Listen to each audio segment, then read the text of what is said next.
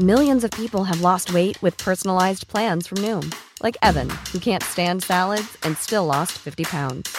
Salads, generally, for most people, are the easy button, right? For me, that wasn't an option.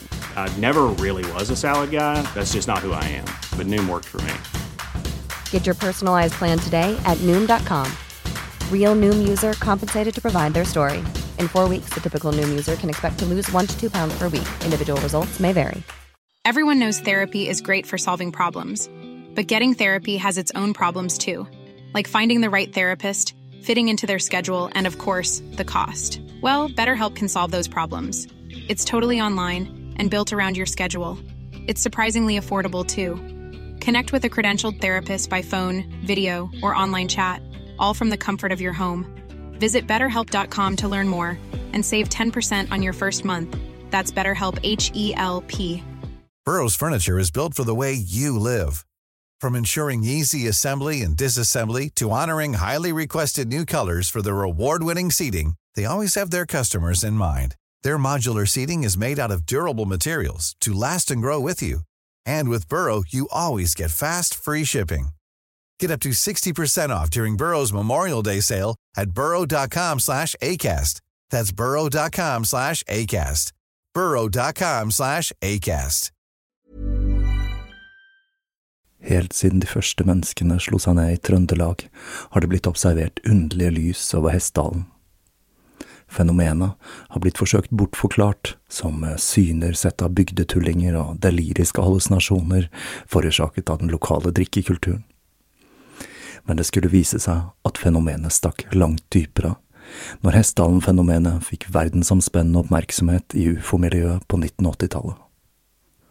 Fenomenet er fremdeles der, og det er fremdeles like uforklarlig som den gang.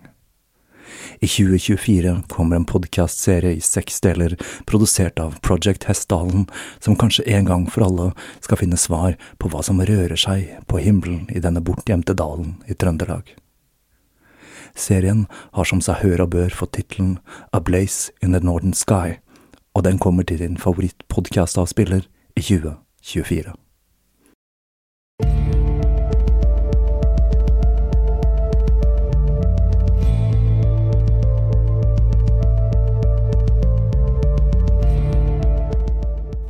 Hei og velkommen til Tåkeprat. Jeg heter Even, og når jeg tar opp denne episode 214, er det tirsdag den 14. mars 2023. Her i Tåkeprat-redaksjonen skjer det ganske mye om dagen, og jeg blir å høre litt forskjellige steder framover, men det kommer jeg mer tilbake til senere. For nå er det duket for hva som blir den tredje delen i denne føljetongen om gass, og nå er tiden kommet for å se litt nærmere på hva nazistene syslet med på den fronten i Det tredje riket. Etter klorgass, sennepsgass og fosgen hadde blitt benyttet i den første verdenskrigen, var det bred enighet om at kjemisk krigføring var en uting som måtte forbys. Til tross for dette satt flere land på store lager med kjemiske våpen for å avskrekke andre nasjoner mot å bruke kjemiske våpen mot dem. Tyskland på sin side hadde ikke lov til å produsere og lage kjemiske våpen under Versailles-traktaten.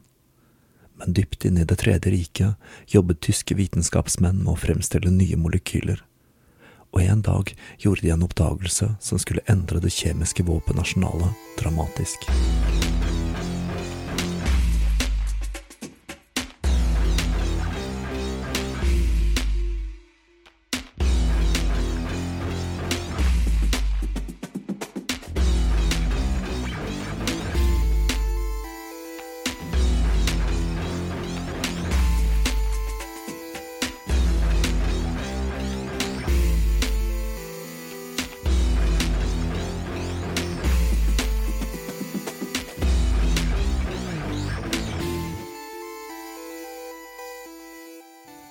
Historien vår starter lille julaften 1936 i Gerhard Schraders laboratorium i Leverkusen i Köln.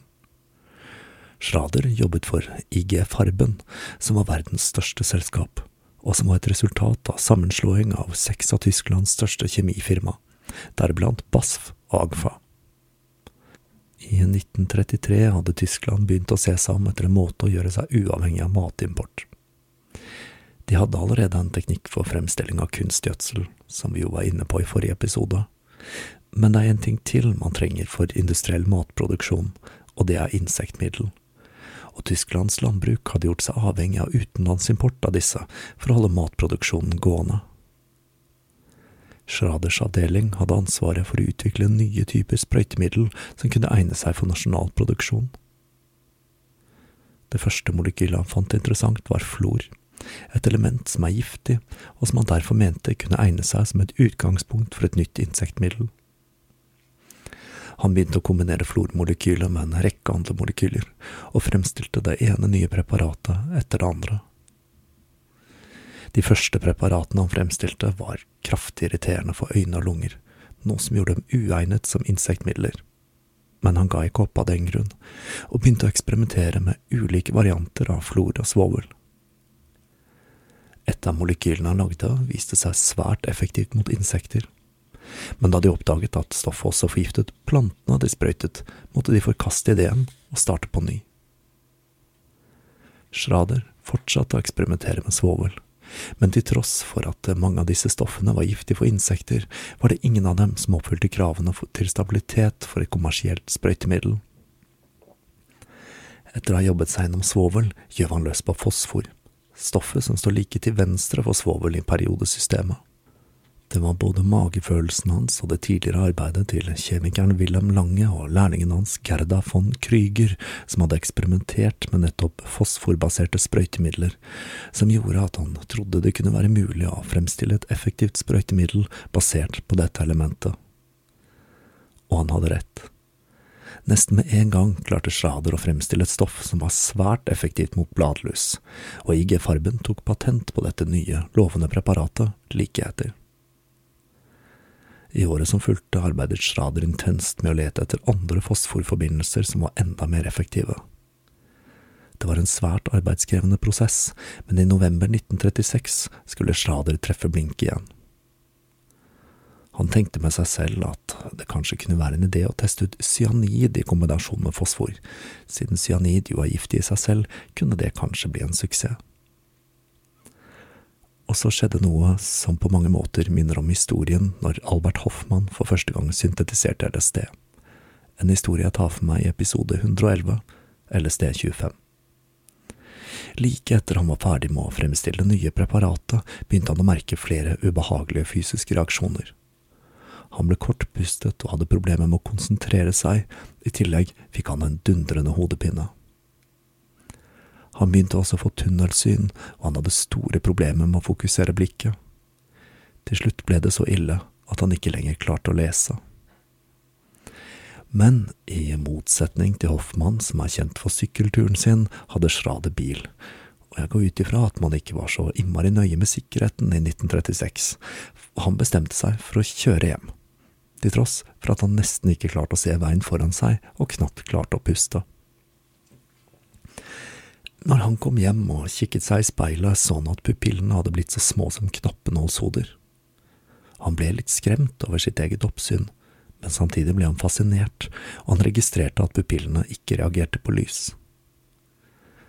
Schrader ble dårligere og dårligere, og han måtte tilbringe to uker på sykehus før han kom seg på beina igjen.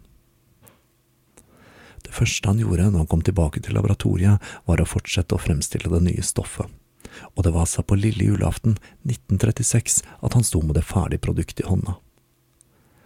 Dette dreide seg om en klar væske med en svak epleaktig lukt, som Schrader valgte å kalle preparat 991. Det er jo ganske fascinerende hvordan disse kjemikaliene har lukt som epler, nyslått høy eller andre hverdagslige ting. Han sendte stoffet videre for testing, og det skulle vise seg ekstremt effektivt. Blandet ned til en tohundretusendedel var stoffet så effektivt at det drepte samtlige bladlus i testen. Det var langt mer effektivt enn noe annet de hadde testet. Det ble også klart at symptomene Schrader hadde hatt, skyldtes det nye stoffet. Selv om det hadde denne milde duften av epler, var dette nemlig kraftige saker. Når det ble sølt en dråpe på laboratoriebenken ved et uhell, ble laboranten straks rammet av de samme symptomene. Sterk irritasjon av netthinnen, tunnelsyn og pustebesvær. Symptomene forsvant etter et par dager i frisk luft. Det symptomet som varte lengst, var svekkelsen av synet. Schrader og makkeren hans Kypper fortsatte arbeidet med preparat 991 i januar 1937. Men med en gang de gjennomtok arbeidet med stoffet, kom symptomene tilbake. De to kjemikerne hadde utviklet hypersensitivitet mot det nye stoffet, og de var redde de kom til å få permanente skader om de fortsatte å jobbe med det. I februar skrev Schrader et brev til Eberhard Gross, som var direktøren for den industrielle hygieneavdelingen til IG Farben, hvor han skrev om det nye stoffet han hadde oppdaget. Gross ble fascinert av det han leste, og ba om en prøve så han kunne teste ut stoffet på ulike forsøksdyr. Gross døpte om preparatet til LE100 og satte i gang med forsøk på blant annet aper. Det viste seg raskt at injeksjon av så lite som en tiendedels milligram per kilo kroppsvekt av LE100 førte til en grusom død for primater. Gross hadde et gasskammer til disposisjon, og han begynte å eksperimentere med gassing av aper. LE100 skulle vise seg effektivt til nettopp det, og apene døde etter kun 16–25 minutter. Problemet med stoffet var at det var for giftig til å kunne brukes som et kommersielt insektmiddel men Gross tenkte at det kanskje kunne være et annet bruksområde. Ifølge en ordinans av 1935 måtte alle oppdagelser og patenter som kunne være av militær interesse, rapporteres, rapporteres til krigsministeriet, og det hadde blitt ekstra aktuelt etter at Hitler hadde beordret Wehrmacht til å være klare for krig innen 1940. Det var enkelte personer i det tyske militæret som så på kjemiske våpen som svært viktige strategisk spesielt siden Mussolini hadde brukt sennepsgass med stort hell i Etiopia i 1935 og 36. En av tilhengerne av kjemisk krigføring var Heinrich Hørlein, som var direktøren for den farmasøytiske forskningsavdelingen til IG Farben, og han videresendte informasjonen han hadde om LE100 til militæret. Det var divisjon 9, eller Vapruf 9 i Charlottenburg, ledet av doktor Leopold von Sikkerer, som hadde hovedansvaret for utviklingen og testingen av kjemiske våpen, og han leste rapporten om LE100 med stor iver. Anlegget til Leopold og en middelalderborg fra 1200-tallet som hadde blitt bygget ut på 1500-tallet. Laboratoriet hadde fått navnet Gassforsvaret, eller noe i den retning, men det var for å villede, for det var ikke bare forsvar mot kjemiske våpen de syslet med bak borgmurene. Doktor Gross dro til Leopold og demonstrerte hvordan LE100 kunne drepe laboratoriemus på 20 minutter, noe som kunne ta flere timer med fosgen og sennepsgass. Imponert over effektiviteten til stoffet, inviterte Leopold Schrader til Berlin, så han kunne demonstrere syntetiseringen av LE100. Schrader forklarte prosessen og egenskapene til stoffet, og Leopold ble dypt imponert over det han hørte. Det var Leopold som ga stoffet navnet det skulle bli kjent for i ettertid. Han døpte det tabun, et ord som ikke hadde noen annen betydning for å skjule det egentlige formålet til stoffet. Divisjon 9 hadde kontrakter med de klokeste hodene ved universiteter og i det private næringslivet i Tyskland, men ingen hadde funnet et stoff som var i nærheten av å ha den samme giftigheten som tabuen. Leopold bestemte at patenten til IG Farben skulle hemmelighetsstemples, og at hæren skulle overta den videre utviklingen av stoffet. Schrader og Gross fikk en belønning på 50 000 mark, og Schrader fikk beskjed om å syntetisere en kilo med tabun han skulle sende til Gassforsvaret for videre testing. I mellomtiden begynte de å konstruere et anlegg for testproduksjon av tabun. IG Farben på sin side var lettet over at hæren overtok ansvaret. Fabrikkene deres lå i tettbefolkede områder, noe som gjorde det veldig risikofylt å produsere tabun der. I tillegg ville det være vanskelig å produsere stoffet med det hemmeligholdet som var nødvendig. Testingen av tabun gikk raskt. De forsøkte å gasse ulike dyr, fra hunder og katter til aper og hester. De fant ut at den mest effektive måten å spre tabungass på, var ved å bruke en detonator som omdannet væsken til en fin tåke som drepte fienden ved inhalering. Alt så bra ut, men det var noen utfordringer. Resultatene av utendørstestene var vanskelig å tolke, for effektiviteten til gassen varierte veldig med vind og vær. Tabun var også avhengig av forholdsvis høy temperatur for å danne gass, og det var derfor et stridsmiddel som var best egnet i sommeren eller i tropiske strøk. De burde kanskje døpt den Hawaii-gass. Det syns nå i hvert fall jeg. Ting hadde endret seg veldig siden første verdenskrig. Gass hadde ikke lenger det overraskelsesmomentet det hadde hatt som våpen når Fritz Haber hadde åpnet kranene på klorgassbeholderne sine. Men tabuen skilte seg markant fra de kjente stridsmidlene, ved at den hadde en veldig svak lukt som epler nær altså, og den irriterte ikke øyne eller lunger. Det gjorde at soldatene kunne risikere å puste inn gassen før de forsto hva som skjedde og rakk å ta på seg gassmasker.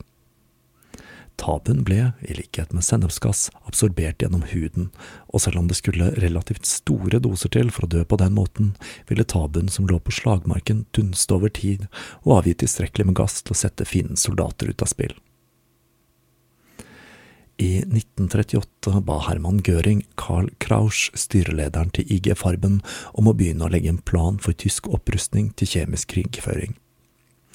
Crouch hadde omtalt kjemiske våpen som valget til de med overlegen intellekt og vitenskapelig tankesett, og det appellerte til Göring, som mente at kjemiske våpen potensielt kunne være avgjørende i krig, siden de hadde potensialet til å spre frykt i tillegg til død og lidelse. Den 22. august utnevnte Göring Crouch som leder for et fireårig program som skulle gjenoppbygge Tysklands kjemiske krigføringskapabilitet. Tyskland hadde måttet ødelegge alle fabrikkene sine etter første verdenskrig, så alt måtte bygges på ny fra bunnen av. På testområdet til Wehrmacht, Raubkammer, konstruerte de et nytt apparat, VZ-tårnet, som var et 15 meter høyt ståltårn med to granatkastere som kunne avfyre granater med kjemiske våpen i en radius av 50 meter, slik at man kunne måle gasskonsentrasjonen til ammunisjonen under ulike forhold. Raubkammer begynte også å teste effekten av bomber sluppet fra fly. Det å teste tabuen var selvsagt ikke helt uten risiko, og prosjektet førte til hundrevis av skader på personell. Tabuen, som ikke hadde fordampet, festet seg på klær og utstyr og dunstet jo dødelig gass, og mange ble eksponerte når de trodde de var trygge og tok av seg beskyttelsesutstyret. Legene ved Raubkammer eksperimenterte også på mennesker. Dette dreide seg om frivillige som fikk betalt for å delta i eksperimentene. Målet med disse eksperimentene var å finne en motgift, og de fant ut at atropin og skopolamin var effektive til dette. Det var spesielt atropin som egnet seg, da effekten er raskere enn den til skopolamin.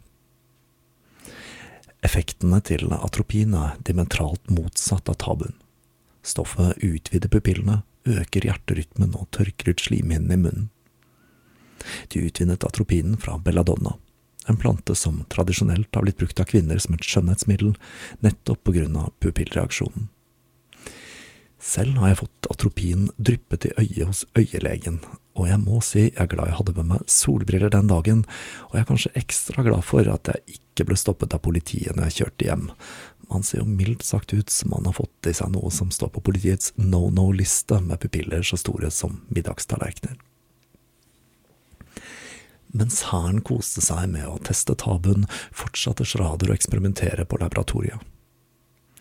Han begynte å utvikle en ny type stoffer, hvor han byttet ut cyanid med flor, og mot slutten av 1938 så hadde han syntetisert et nytt stoff som var oppsiktsvekkende giftig.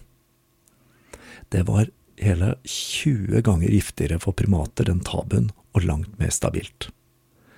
Det nye stoffet, som fikk kodenavnet Substans 146, var altfor giftig til å ha noe nytte som insektmiddel, men hæren var interessert, og Schrader dro til Spandau for å presentere sitt siste funn.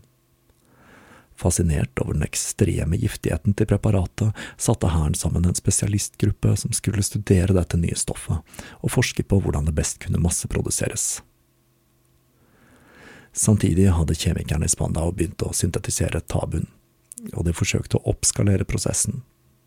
I februar 1939 klarte de å produsere batcher på 30 kilo med 90% renhet, men målet var å lage en testfabrikk som hadde kapasitet til å lage 400 kilo i slengen. De bestemte seg for å bygge denne ved Rubkammer, og fabrikken, som fikk kodenavnet Forverk Heidkrug, ble kamuflert som en låve.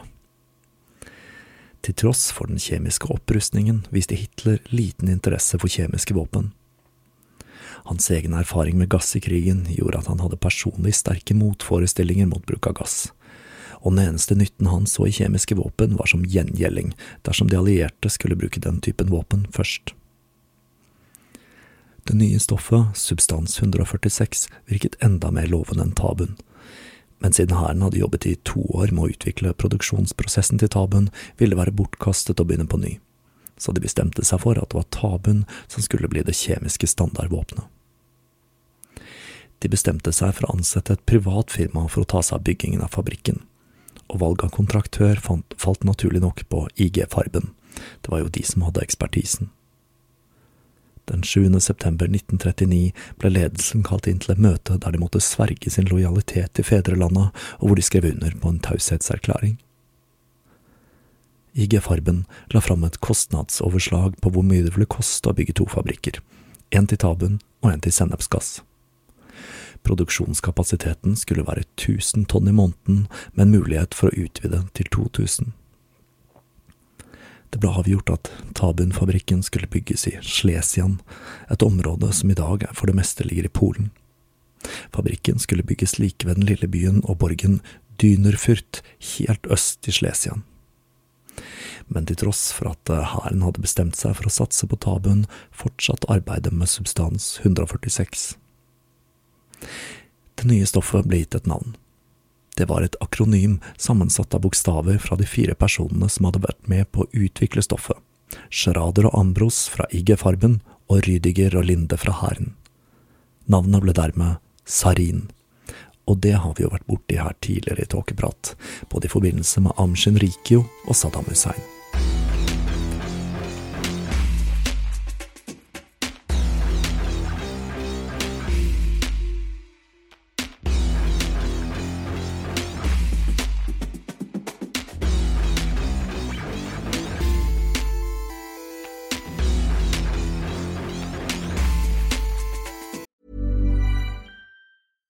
Hey, I'm Ryan Reynolds. At Mint Mobile, we like to do the opposite of what Big Wireless does. They charge you a lot, we charge you a little. So naturally, when they announced they'd be raising their prices due to inflation, we decided to deflate our prices due to not hating you. That's right. We're cutting the price of Mint Unlimited from $30 a month to just $15 a month. Give it a try at mintmobile.com slash switch. $45 upfront for three months plus taxes and fees. Promo for new customers for limited time. Unlimited more than 40 gigabytes per month. Slows. Full terms at mintmobile.com. Burrow's furniture is built for the way you live. From ensuring easy assembly and disassembly to honoring highly requested new colors for their award-winning seating, they always have their customers in mind. Their modular seating is made out of durable materials to last and grow with you. And with Burrow, you always get fast, free shipping. Get up to 60% off during Burrow's Memorial Day sale at burrow.com slash ACAST. That's burrow.com slash ACAST. burrow.com slash ACAST.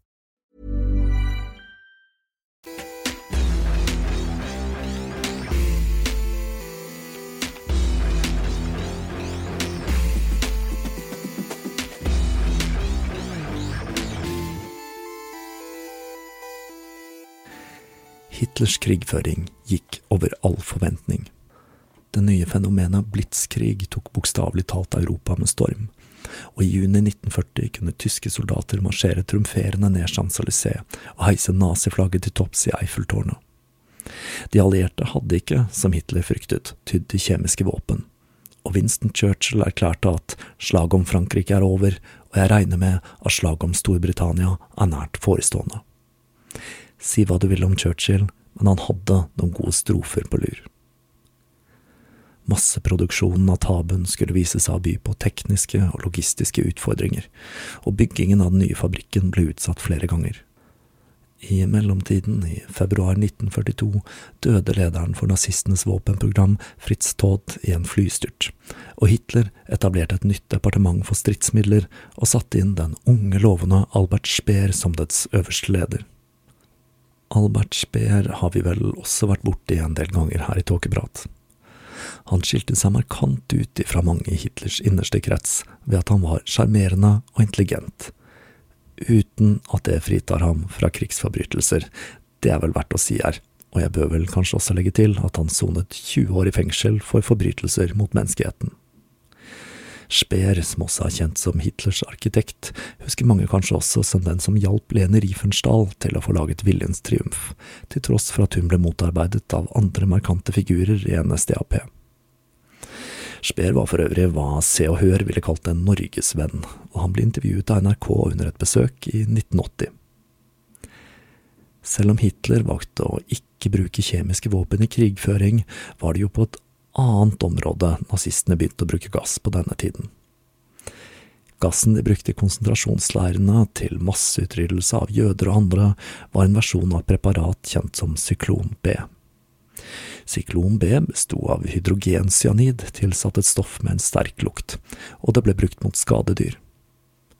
Syklon B ble først tatt i bruk i Auschwitz sommeren 1941 for å avlyse fanger, men like etter begynte SS å eksperimentere med massehenrettelser med gassen. Når det viste seg at den var svært egnet til det formålet, beordret de produksjon av en ny type syklon B, uten det illeluktende kjemikaliet, og i løpet av 1942 og 43 ble hele 19 tonn med syklon B uten lukt levert til Auschwitz sine gasskamre.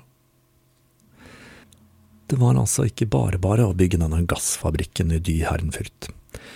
Anlegget, som ble bygget delvis under bakken, og som ble kamuflert med trær plantet på taket for å skjule det fra fiendtlige fly, tok to år å ferdigstille, og det sto først ferdig våren 1942. I april kunne fabrikken endelig begynne å produsere i stor skala, men på grunn av krigen var det flere ingredienser som var vanskelig å oppdrive, deriblant fosfor. Det var også forholdsvis farlig å jobbe på fabrikken, og HMS-nivået på anlegget var høyt etter den tids standarder. Siden man kunne utvikle hypersensitivitet mot tabuen, ble arbeiderne med anlegget rotert på en ukesbasis, slik at de ikke skulle risikere overeksponering. De fikk også ekstra bra rasjoner, med blant annet ekstra melk og ost, siden fett er med på å redusere alvorligheten av en tabunforgiftning. De som jobbet der, gjorde det i heftig verneutstyr, men til tross for all denne HMS-en, så hadde de et dusin med dødsulykker i løpet av de to årene fabrikken var operasjonell. Sikkerhet var altså viktig, og det samme gjaldt hemmelighold.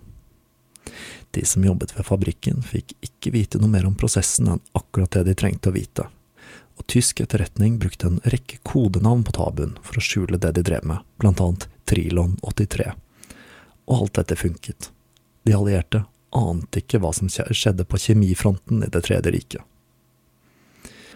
Dyhernfurt hadde sin egen ammunisjonsfabrikk, hvor de produserte tabunfylte bomber og artilleriammunisjon.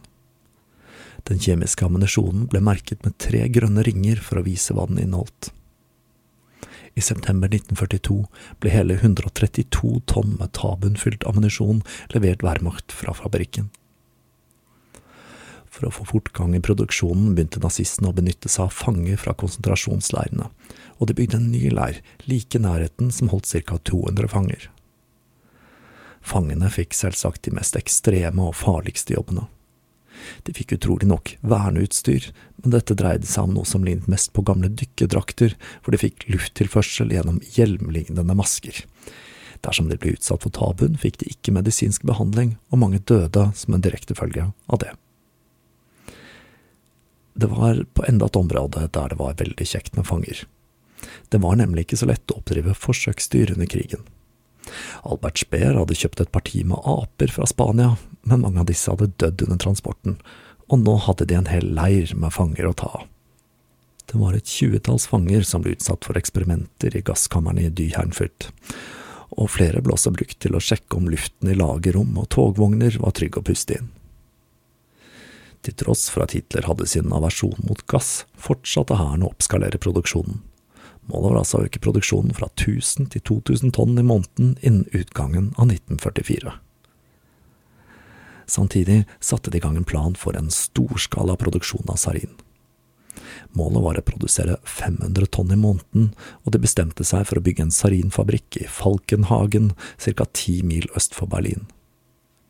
Anlegget fikk kodenavnet C-verk.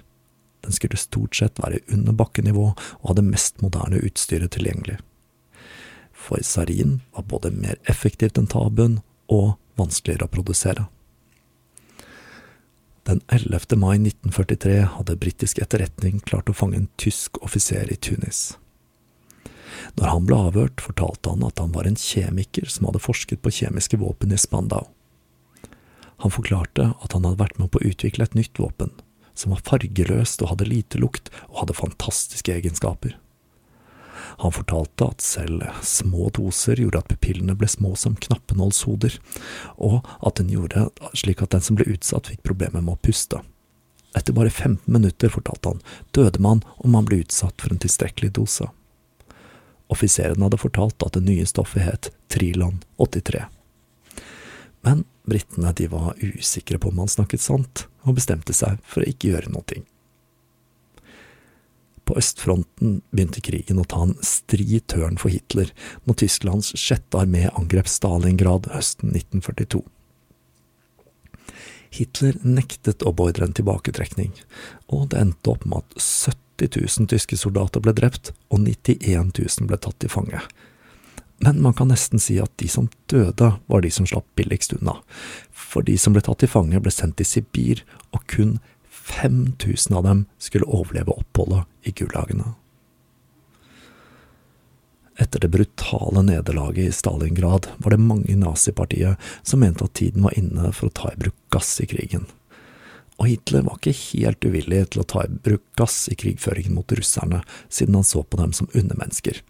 Og han beordret forberedelser til et kjemisk angrep i april, men det ble aldri noe av dette angrepet Føreren flyttet seg til det nye hovedkvarteret sitt, Ulvehi eller Wolfschanze, og den 15. mai kalte han sammen til en konferanse, med blant annet Albert Speer, brigadegeneral Walter Schieber og Otto Ambros, IG Farbens fremste ekspert på giftgass. Et av punktene på agendaen var nemlig kjemiske våpen, og Speer og Schieber fortalte at Tyskland var klar for å ta i bruk kjemiske våpen, og at de allierte mye sannsynlig snart kom til å ta i bruk den samme type våpen. Ambros utdypet og sa at Tyskland hadde utviklet en ny type gass som angrep sentralnervesystemet, og derfor kunne klassifiseres som en nervegass. Den første typen de hadde utviklet var tabun, fortsatte han, og nå hadde de enda et stoff, sarin, som var mye giftigere. Han forklarte at per 1. mai 1943 hadde de produsert 44 764 tonn med kjemiske stridsmidler, deriblant 1500 tonn med tabun. Tabun-produksjon var komplisert, forklarte Ambros, men han mente at de skulle klare å nå målet om å øke produksjonen til 1000 tonn i måneden om ikke lenge. Og han ba også Hitler om å sette til side mer ressurser, så de kunne komme i gang med sarinproduksjonen. Hitler på sin side var ikke imponert. Han hadde blitt lovet mer enn de hadde klart å produsere, og forklaringen om at det var teknisk vanskelig, den hjalp ikke. De allierte hadde større lager av kjemiske våpen som sennepsgass og fosgen, og ikke minst så hadde de langt større produksjonskapasitet enn hva som fantes i Det tredje riket. Han ble ikke i bedre humør når Ambros fortalte at det ikke var helt utelukket at de allierte også hadde klart å fremstille nervegass, og at dersom Tyskland skulle bruke tabuen i krig, så ville de allierte raskt analysere og kopiere preparatet. Men Ambros, han tok feil. De allierte hadde ikke oppdaget verken tabun eller sarin på dette tidspunktet. Men Hitler hadde grunn til å være bekymret. Han visste at nervegass eller ikke, så hadde de allierte enorme lagre med fosgen og sennepsgass de kunne bruke i et hevnangrep dersom han skulle benytte seg av nervegass. Og i juni hadde president Roosevelt erklært at USA ikke under noen omstendigheter ville ty til kjemiske våpen, bortsett fra i tilfeller der de selv ble angrepet med den type våpen. Av frykt for å fremprovosere kjemisk krigføring beordret Hitler at ingen kjemiske stridsmidler skulle transporteres eller oppbevares utenfor rikets grenser. Produksjonen av tabuen skulle aldri klare å nå det ambisiøse målet om 2000 tonn i måneden. Det meste de klarte, var 800 tonn med 80% renhet når produksjonen var på sitt aller høyeste. Av frykt for et angrep mot den tyske sivilbefolkningen utnevnte han sin personlige livlege, dr. Carl Brandt, til ansvarlig for å forsvare sivilbefolkningen mot kjemiske angrep. Brandt satte i gang et program hvor det blant annet skulle produseres Volksgassmasken, eller folkegassmasker med kullfilter, men den tyske industrien var i knestående av krigen, og de manglet essensielle råstoffer, sånn som gummi, som tyske sivilbefolkningen forble ubeskyttet mot et potensielt alliert kjemisk angrep. Mens han syslet med det, oppdaget en annen tysk kjemiker, Richard Kühn, enda et nytt stoff.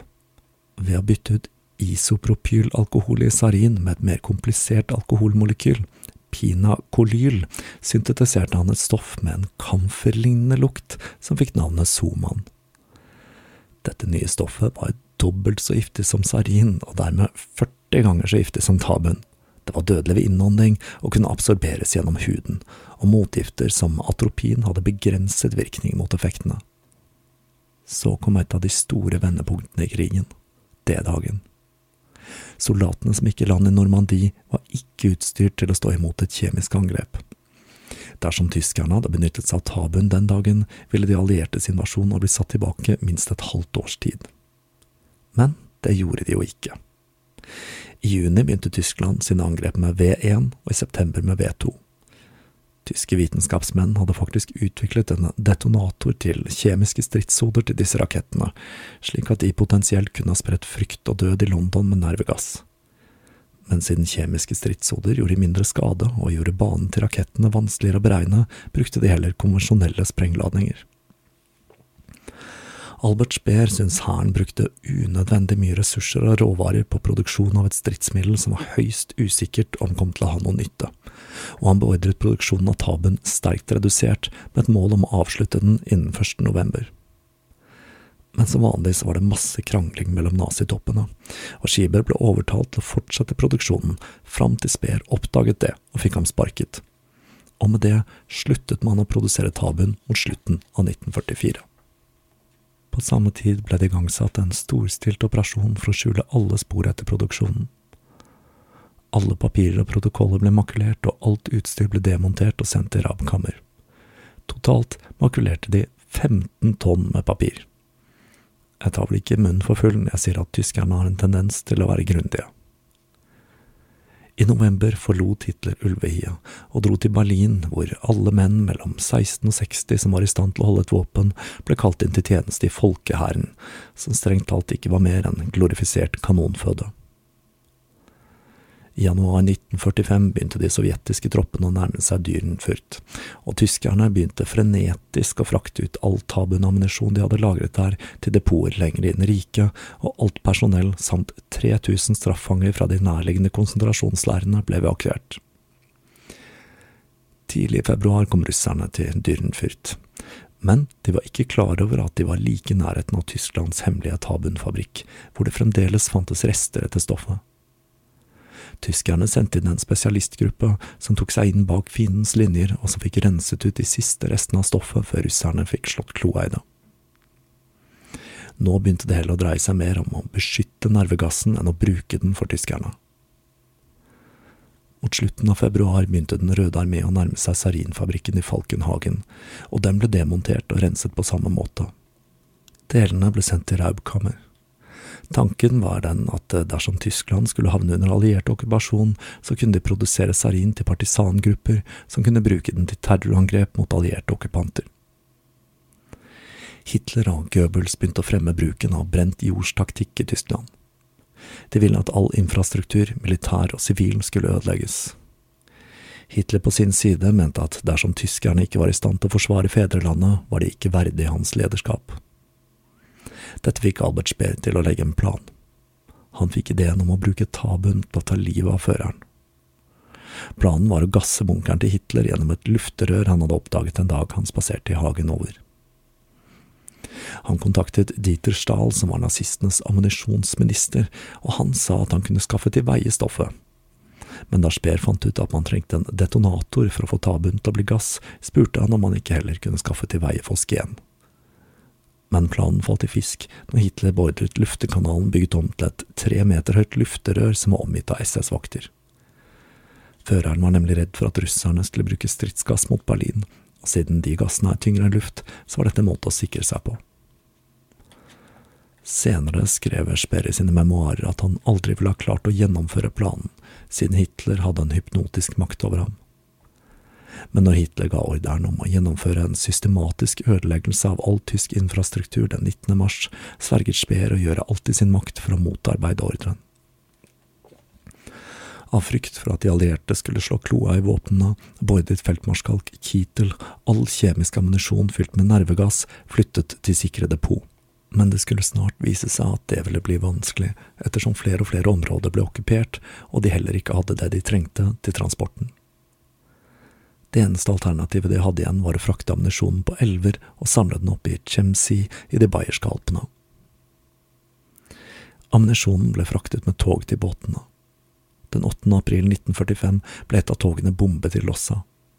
En lekkasje av Tabuen førte til at fire sivile døde umiddelbart, og befolkningen i 20 km radius ble evakuert, men spesialister fra hæren renset området så ironisk nok var de første som døde i krigshandlinger med Tabun, tyske sivilister. Det hele ble mer og mer kaotisk. Tog lastet med ammunisjon ble etterlatt. Depoter ble gravd ned, og ammunisjon ble dumpet i elver og innsjøer. Samtidig beordret Hitler at ingen kjemisk ammunisjon skulle destrueres under noen omstendigheter. Helt mot slutten av krigen begynte amerikansk artilleri å skyte mot fire tyske båter på Donau, og det ble overrasket over at soldatene om bord heiste det hvite flagget.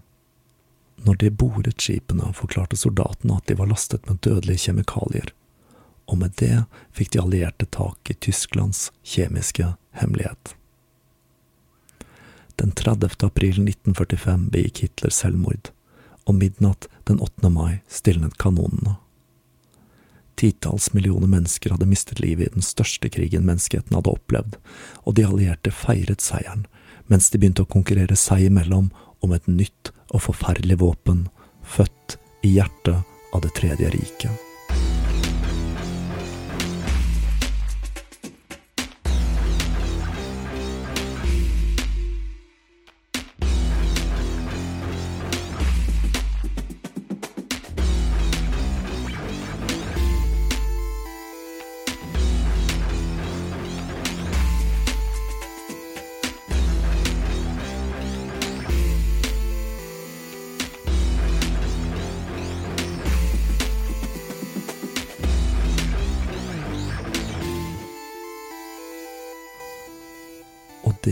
Historien om andre verdenskrig, fortalt gjennom historien om tysk nervegassproduksjon. Jeg har med viten og vilje styrt unna en del av kjemien og biologien rundt hvordan stoffer som tabun virker på kroppen, siden jeg følte det ville bli litt too much selv for den jevne tåkepratlytter. De av dere som er spesielt interessert, kan jo enkelt finne ut av det selv selv om jeg jo bør advare og si at dersom du er litt for ivrig på å google hvordan man produserer sarin, så kan det hende du får PST på nakken rimelig kjapt. Nå blir det uansett et par uker til en ny episode med Tåkeprat. Som jeg sa innledningsvis, så skjer det litt ymse her i Tåkeprat-redaksjonen, og jeg har en del research å gjøre i den forbindelse. Men jeg håper og tror at ventingen blir verdt det når dere får høre resultatet. Enn så lenge vil jeg som vanlig takke alle patrions. Alle som har donert til Tåkeprat via VIPS eller hjemmesiden, og de som har handlet i nettbutikken. Og sist, men ikke minst, vil jeg takke deg som hører på. Jeg har på følelsen at sammen så skal vi klare å ta Tåkeprat til nye høyder i 2023. På gjenhør.